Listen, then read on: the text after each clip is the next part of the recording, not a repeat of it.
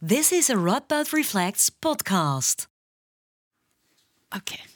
Um, I only have 20 minutes with you tonight, so I'll probably be talking a little bit fast toward a science of diversity for urban schools in the United States. So I'm going to be talking about issues of diversity within the United States, but maybe you can generalize to some of the things that I have to say about our schools to your situation here in the Netherlands. Um, let me just start quickly by telling you a little bit more about who I am. I wear three hats, I think. First of all, I'm a developmental social psychologist. That means I study people and context. I study how you feel about yourself, how you think other pe- people feel about you, how other people feel about you. That's what social psychologists study.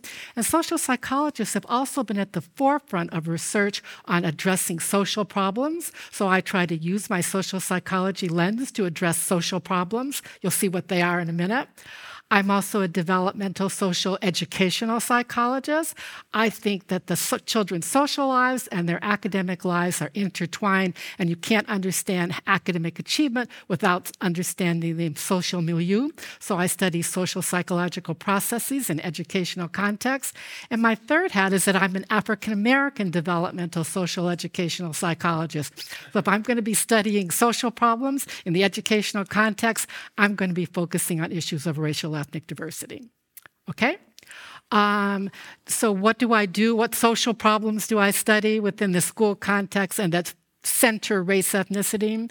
Well, to set the context, this is a, a, figure that shows the changing racial landscape in the United States for the past hundred years or so. It's a good thing I saw. I can barely see this myself. I hope you're. I may have to turn around here to see um, some of my slides. That's pretty far away. But what, what you can see, every 10 years we do a census in the United States where we survey the race, among other things, the racial ethnic composition of the of the population. And this is census data every 20 years for the past um, century, beginning in 1920 up through 2020. We had a census in 22 and projecting out for 20 to 40 years.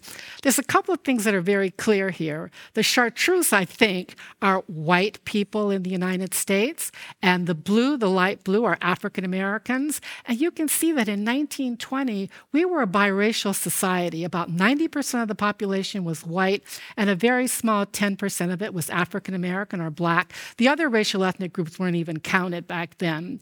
You can see over time, over this course of, the, of 100 years, this has been an era of tremendous racial transformation. When you look at 2020, you can see that whites have gone from being 90% of the population to really just barely crossed that dotted line is 50%, still a little bit more than 50% of the population, but decreasing. And Latinos or Hispanics, some, we have have different terms. I use the word Latino or Latinx in California. Latinos are the, are the largest racial ethnic minoritized group now.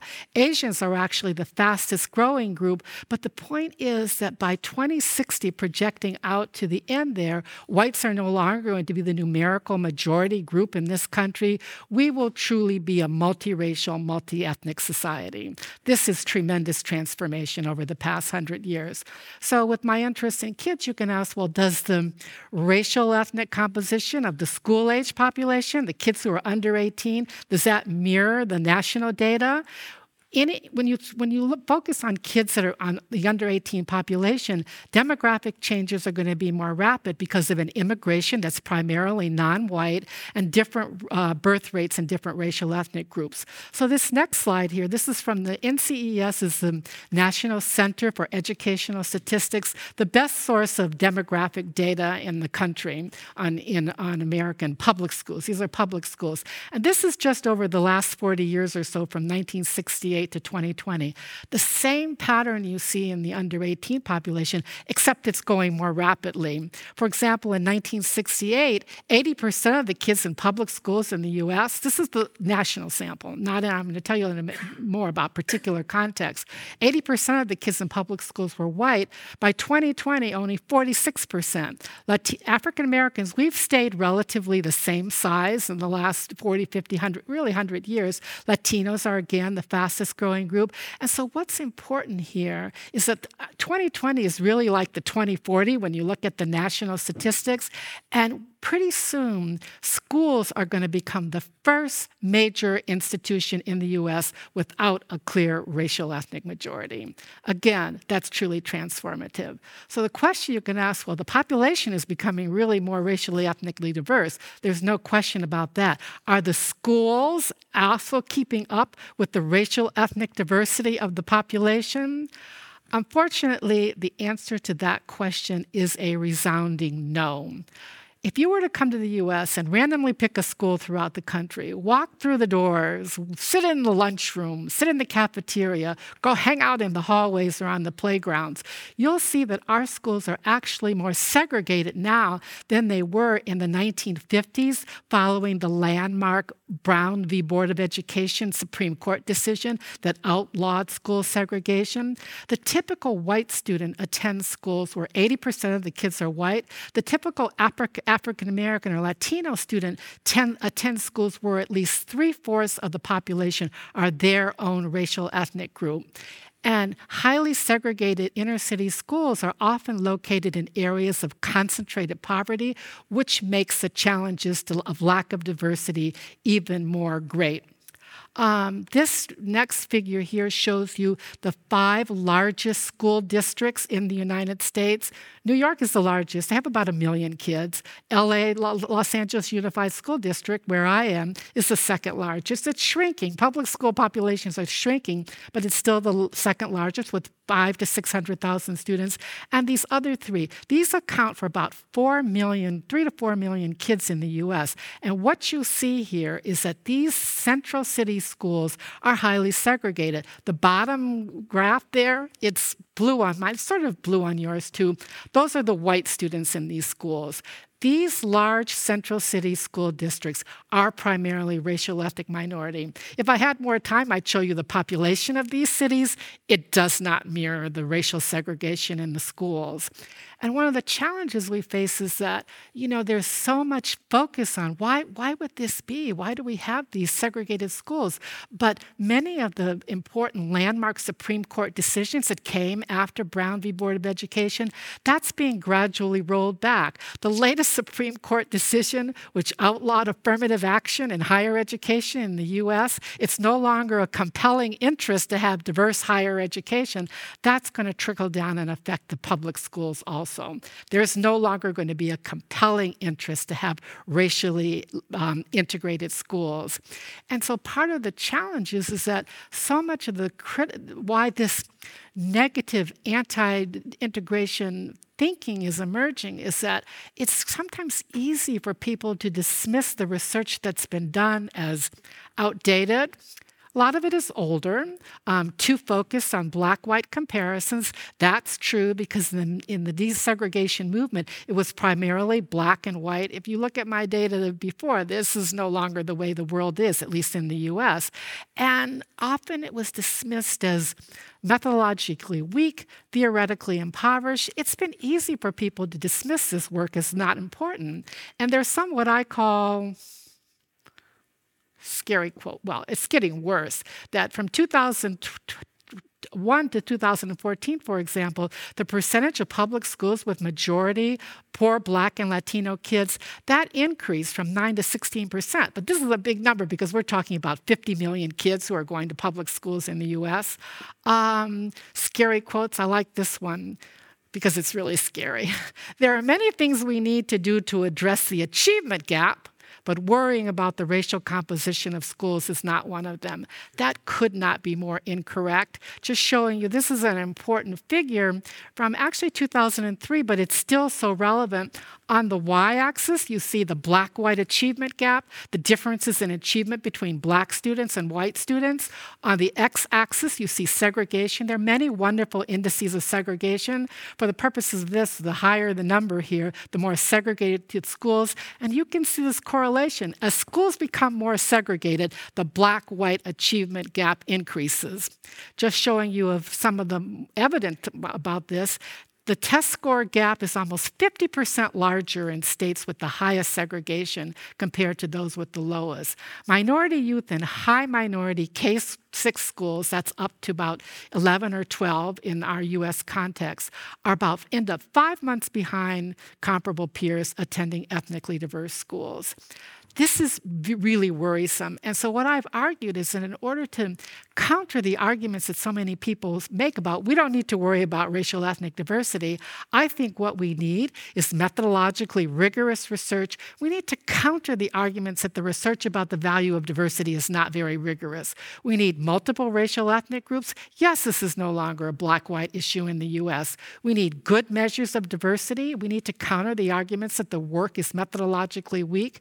And we need to be posing testable hypotheses uh, that focus on how diversity matters rather than if it is.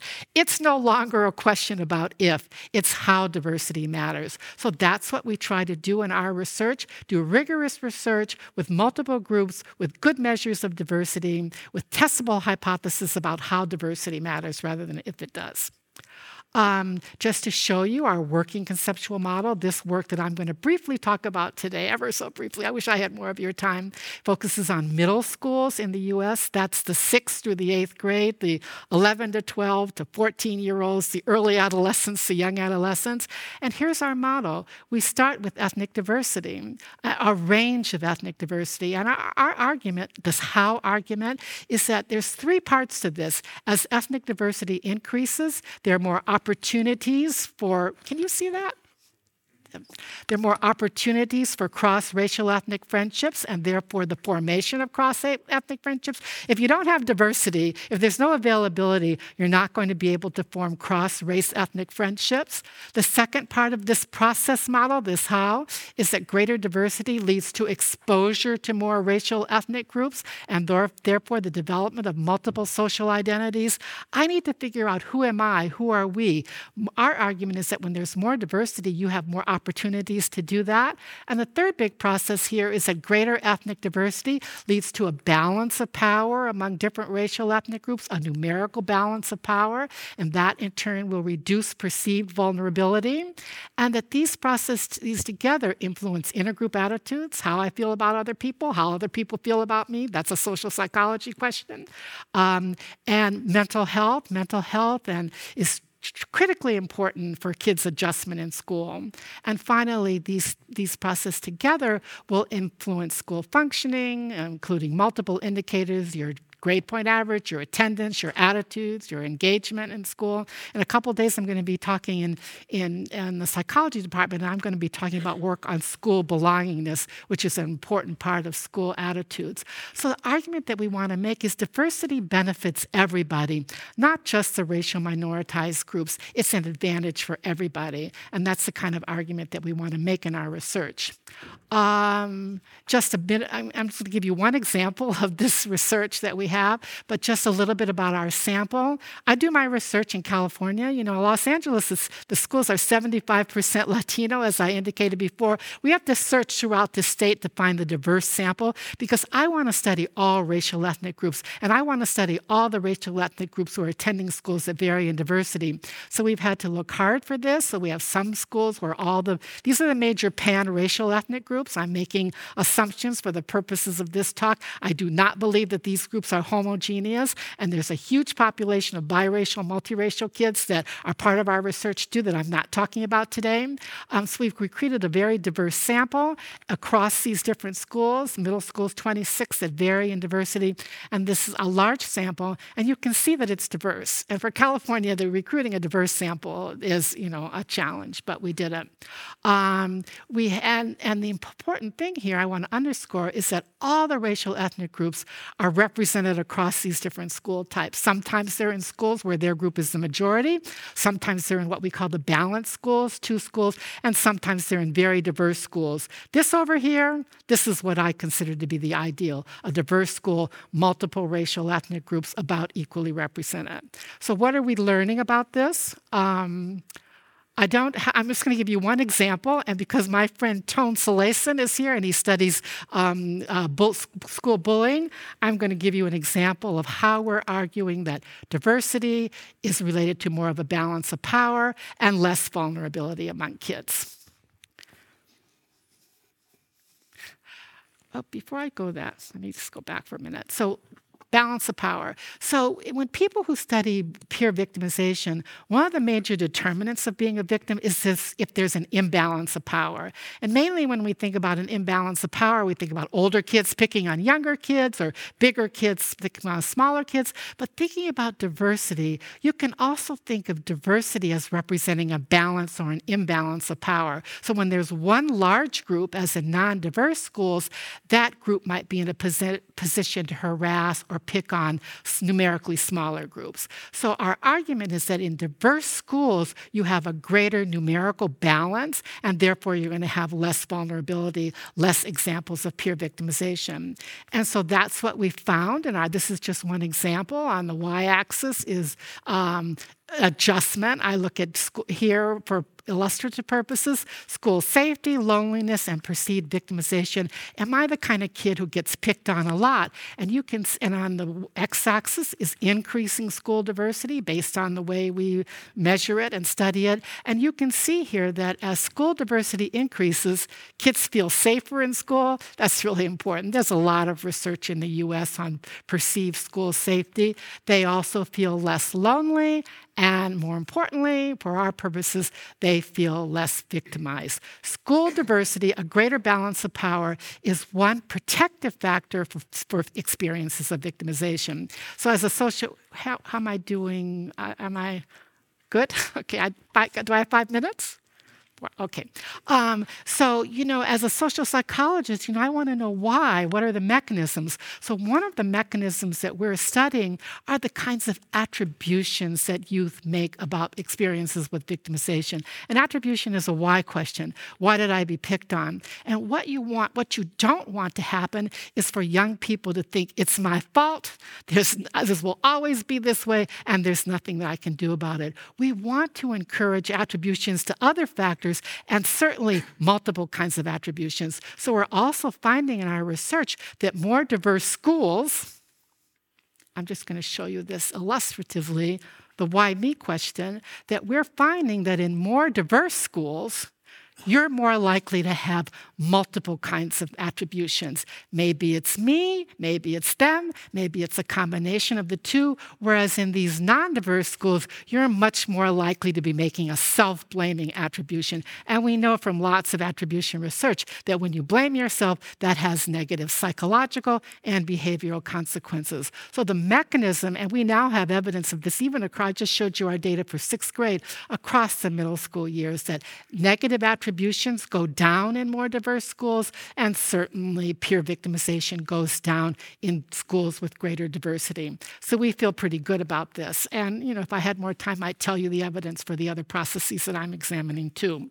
So what do I want to leave you with? Well, I just by way of summary, I think school racial ethnic diversity um, leads to more cross racial ethnic friendships and more opportunities to form those friendships. And the contact hypoth- hypothesis from social psychology tells us that when you have more contact with people who are different from you, you're more likely to have better attitudes about those people. We know that from our own research. Diversity promotes friendships and better attitudes about others. We also know we, that diversity promotes more complex social identities, and identity development is such a critical task of adolescence that I can try on multiple identities when I'm in more diverse contexts and exposed to people who are different from me. And finally, this one example that I gave you diversity leads to less vulnerability, less feelings of victimization, and less blaming oneself for victimization.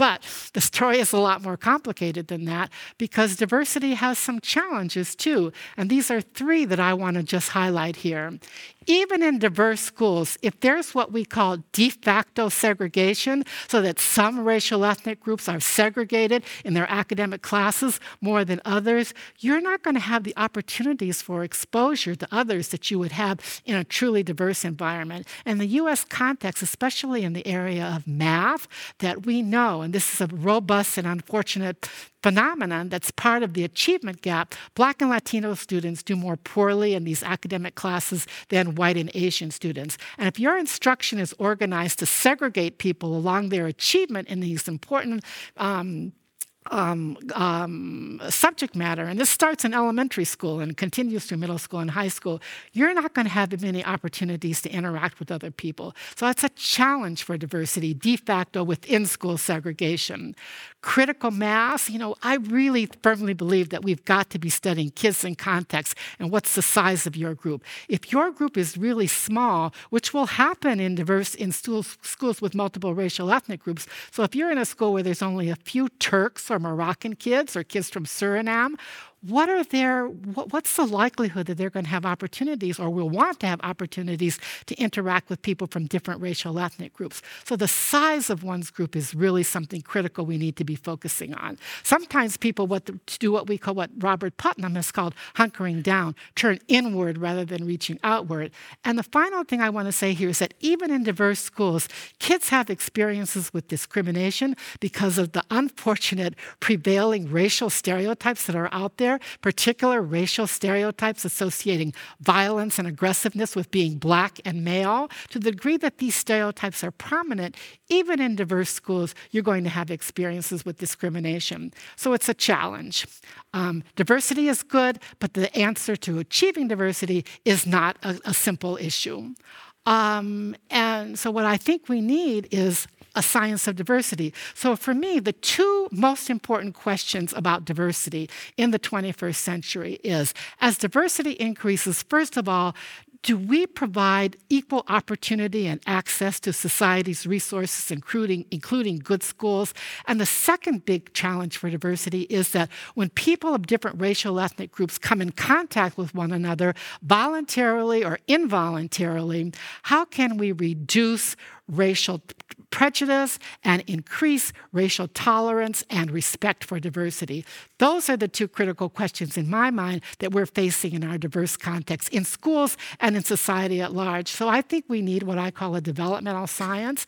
D- diversity, a, a diverse a science of diversity. Diversity is how people are different from one another and how, how they make meaning of it. I think we need to be thinking about diversity as something that's dynamic, it's changing. Everybody doesn't experience the school exactly the same when they enter that school door. We need to be thinking about is diversity. We need to be focusing on a critical mass. How many people like me are really important? We need more than black and white, and we need to rethink the meaning of ethnic minority. In our country, there's no longer, black and Latino, Latino kids in particular are no longer going to be the numerical minority, so we need to rethink our meaning of, of um, the term racial ethnic minority. Um, that's the challenge. That's what I want to do. And what I, because I'm a developmental social educational psychologist who's also African American, that's what I try to do in my research. Thanks. I know I talked fast.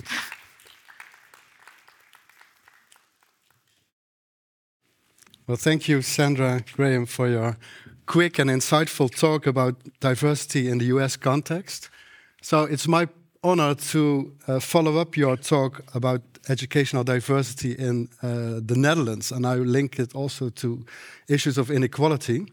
Um, and I think it's good to have this uh, the Netherlands USA um, uh, comparison to see how different contexts create different um, fields of diversity and areas of discontent, and how we should understand our research in the different contexts. And you have three heads. I don't have heads anymore.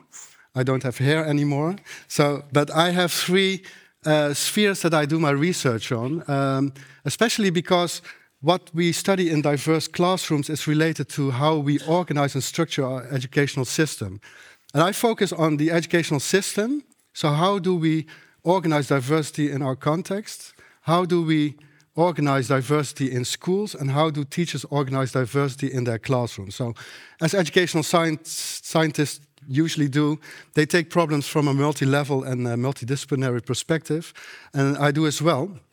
Um, and uh, I also have some introductory introductory uh, slides on our education system to to make the, the, the conversation a, a, little bit more easy when we talk about the context of the USA and the Netherlands. So um, this is the Dutch educational system, which is quite typical for uh, educational systems in this geographical area of Europe. So we have what we call a, a system of um, basic elementary education for all until grade six. And after grade six, we track students in different educational types, uh, depending on uh, their academic uh, skills in primary education or elementary education. Um, so countries in this area like um, Belgium, uh, Germany, Austria, Czech, Czech, Republic, they use this kind of uh, uh, educational system in which we track students quite early in the education system. This is a typical um, diversity creating context, and I will talk about that later. But this is really, really important uh, to know when we study uh, diversity in our educational context. We also have a very typical uh, composition of diversity in European societies. Um, and uh, the US has a, a very difficult, different history of uh, diversity when it comes to uh, Native Americans, European Americans, African Americans, Latinos, Asians, whatever. These groups are typical for the US context. So you have large groups that form substantial uh, uh, groups of different racial or ethnic uh, backgrounds. But in, uh, in our European context, context, diversity is much more diffuse, less uh, pronounced in terms of great large numbers of uh, people. Um, we had in the past colonies uh, and we have some uh, relations with our colonial uh, overseas areas that brought people from colonies to the Netherlands. We had guest workers in the 60s, 70s that came from the Mediterranean countries that flew in. Um, and then uh, later we had refugees from all kinds of war zones that came to the Netherlands that created a very uh, diverse uh, society. But we don't talk uh, much about race. We talk about backgrounds, migration backgrounds, immigrant backgrounds. Um, and also in education, we don't uh, speak easily about race, but we talk about being from a migrant background. And uh, last year, the Central Bureau of Statistics in the Netherlands, they developed a new scheme because we had we used to use terms like Western and non-Western uh, immigrants. So we have Western immigrants, immigrants that look like us, and who who have similar cultures uh, as the Netherlands, and uh, non-Western backgrounds uh, from different areas with uh, more traditional values, other religions uh, that would not easily fit into the Netherlands. So, for example, Western migrants came from neighboring countries like Germany, Belgium, but also from Japan and Australia and uh, South Africa because they shared our culture, but they were considered to be Western uh, immigrants and non-Western immigrants. They came from also from the West, from Suriname and the Caribbean uh, islands, and they were considered to be non-Western. So we got a little bit mixed up in our geographical knowledge. Uh, so we had to uh, redesign our ideas about migration, uh, and now this is the new scheme. So back to the previous one, you are considered to be a migrant if you or your one of your parents was, was born outside of the Netherlands.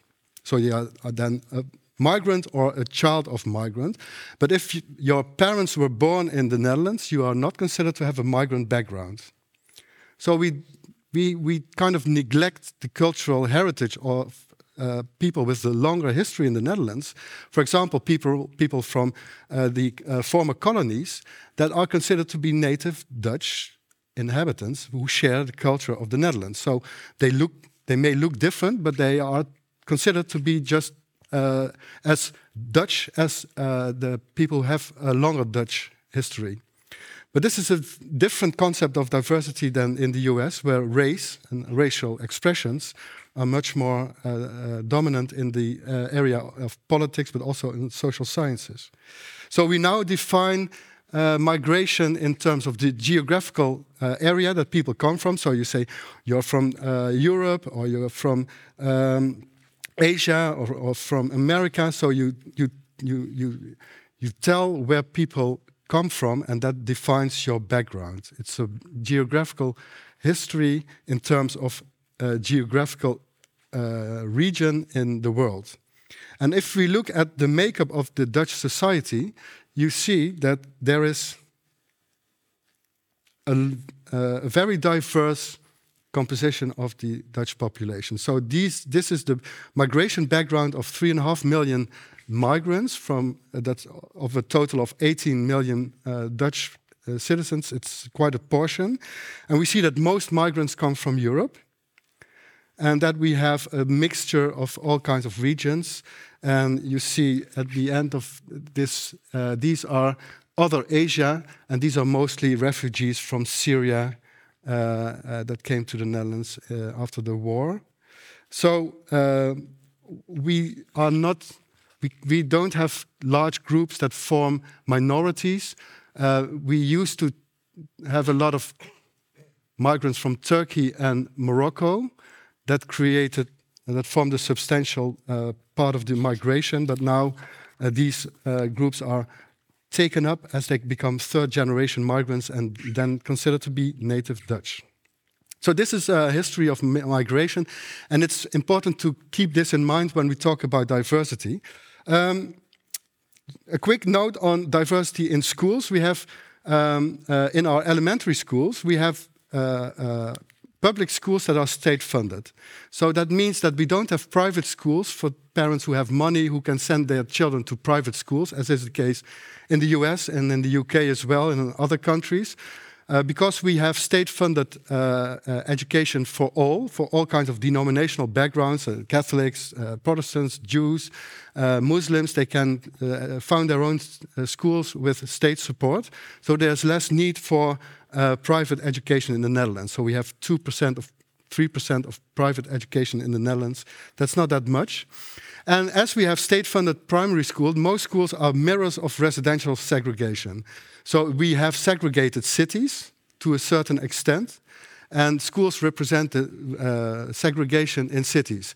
Um, uh, uh, illustrative example is the situation in The Hague and in Almere, which is a quite new city in uh, the polder.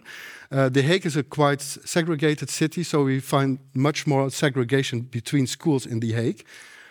In contrast to Almere, uh, which is more diverse city and has less segregated schools. So most segregation between schools is uh, the result of residential segregation, but also uh, because of free uh, school choice. We have free school choice, we have mandatory school choice, so you have to choose a school because otherwise you cannot bring your child to a school. So school choice in the Netherlands is mandatory. Uh, that's also different from other countries uh, in which you are assigned a school if your child reaches a certain age. Um, but free school choice adds to segregation because, uh, especially uh, white parents, they tend to flee from diverse areas to send their children to uh, more white schools. And that we call that white flight. And that kind of school choice behavior adds to, to school segregation. And uh, segregation uh, between schools in the Netherlands is considered to be moderate to high, especially in the cities. Um, and it's moderately high and uh, for uh, especially for Turks and Moroccan uh, migrants background students and for students with, uh, from low educated families. So these groups are uh, uh, segregated by residential and choice segregation. And we see this intersectionality of um, educational background and social, uh, cultural ethnic background. Uh, which is stronger even in secondary school. So if we go to secondary school, we group children in tracks based on teacher track recommendations. So the primary school teacher gives a track recommendation for students who are tracked in several types of uh, uh, secondary school. So you go to vocational education, general uh, secondary education, or pre-university track. And uh, these tracks are based on uh, ability or performance, and that puts you in different schools. So you can imagine that uh, this tracking adds to segregation. Um, there are schools with multiple tracks, but also schools with uh, single tracks. So the difference between schools in that sense, it, it matters for uh, how you uh, can be exposed to others, but it's more, it's more exposure if you are together in a classroom. But if we track them, we put uh, students in different classrooms. So if we look at the effects of tracking, we see that uh, in the lower tracks, which are the blue portions of these figures, we see that uh, uh, students without migration background or Western migration background, they have uh, more, uh, they are overrepresented in the pink uh, areas, which are the general secondary education and pre-university tracks. And students from a non-Western background, so this is old language still, but it's in a recent report. So we're still in the transition to use different language. So the blue parts are the overrepresentation of the migrants in uh, vocational education. So we see um, if we track uh, that we track students in segregated schools. So we create more inequality by tracking. Uh, and it has de uh, detrimental effects, especially in the students from the lower tracks. So it has effect on their cognitive outcomes, so their learning gains, but also their motivation, their self-esteem, citizenship uh, skills. So there are multiple domains, as uh, Professor Graham also uh, uh sketched, that students in low tracks, in segregated lower tracks, suffer from, and these are really sincere effects of tracking. And it reduces the opportunities to learn in diversity or from diversity or about diversity. So you, uh, you limit the opportunities to learn in this diverse context. So what we would say is, let's get rid of this tracking. So I was part of the educational, the Education Council uh, three years ago to write on this report. Uh, so it translates uh, select later, differentiate better to uh, postpone tracking to the age of 15. So let's get rid of this early tracking and postpone it to 15. Uh, so we have three years of less segregated education for adolescents. So three years of non-tracked education, differentiation within schools and classroom, and no fixed tracks. So you can set uh, uh, students together for uh, specific subjects. Although, as Professor Graham showed for the example of mathematics, it also might have some negative segregation effects, but it's less problematic than having fixed tracks for all your subjects for the whole uh, school life. So let's get rid of this. There is compelling research evidence that tracking has negative effects on students. But it's not easy. And I found these three uh, challenges that Jeannie Oakes, who's a, uh, distinguished professor at Stanford University, sketched, uh, and it's uh, in a chapter by Adam Gamoran. So we have different challenges to uh, get rid of tracking. And these are currently core of the debate in the educational policy debate in the Netherlands. So there are strong beliefs that students differ in ability and that we should organize education to cater to this diversity. That's in our culture. We, are think, we think about, about children in terms of ability levels. And it's very difficult to change that. We have political challenges because there are uh, interests of some who don't want to get rid of tracking, especially though parents of high achieving students and teachers who enjoy teaching these higher tracks. And we have technical challenges, which is quite dominant in teacher education uh, uh, discussions. It's too difficult for teachers to cater to the diversity of uh, students. So we uh, cannot uh, give teachers the task to teach desegregated tracked schools. So um, it's, it's not going to happen that easily, to my great frustration. Um, and we also now see that there is more political disagreement. So if you look, uh, we have uh, elections in November. If you look at the programs of the parties, you, we see there is a division in the political uh, uh arena regarding the support of detracking. So detracking is supported by social democrats and green parties, but it's opposed against by conservatives and liberals. So our Liberal Party that was in power for the past uh, 12, 13 years, uh, they, the past years, they moved in the direction of uh, granting some opportunities for detracking. But now in the uh, uh, in the preparation for their elections, they bluntly stated, we are not going to work on detracking. We abandon the, the, the, the, the, the policy of detracking schools. So this will be more problematic if they gain a lot of power again. But schools are allowed to detrack. It's their own choice to track. But it's on their own initiative. So there is this scheme that uh, uh, schools can apply for if they want to detrack. And we will we help them from our university program in RPPs, research practice partnerships. We support teachers to overcome all the challenges in their school organization uh, by uh, providing evidence and support, empirical support for their detracking poli policies. And we hope that we can provide compelling evidence that detracking really helps. But we need much more research to do so. So we made this review on uh, detracking in the Netherlands, and uh, the uh, research evidence in the Netherlands is quite limited. So we have to learn a lot from the US, from US studies that indeed show that detracking is positive for students.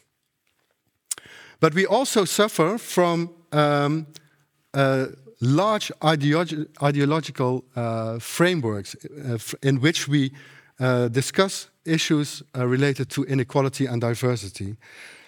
If we look at our evaluation of inequality, so we have inequality dashboards by the Ministry of Education. We have reports of the Dutch Inspectorate regarding inequality.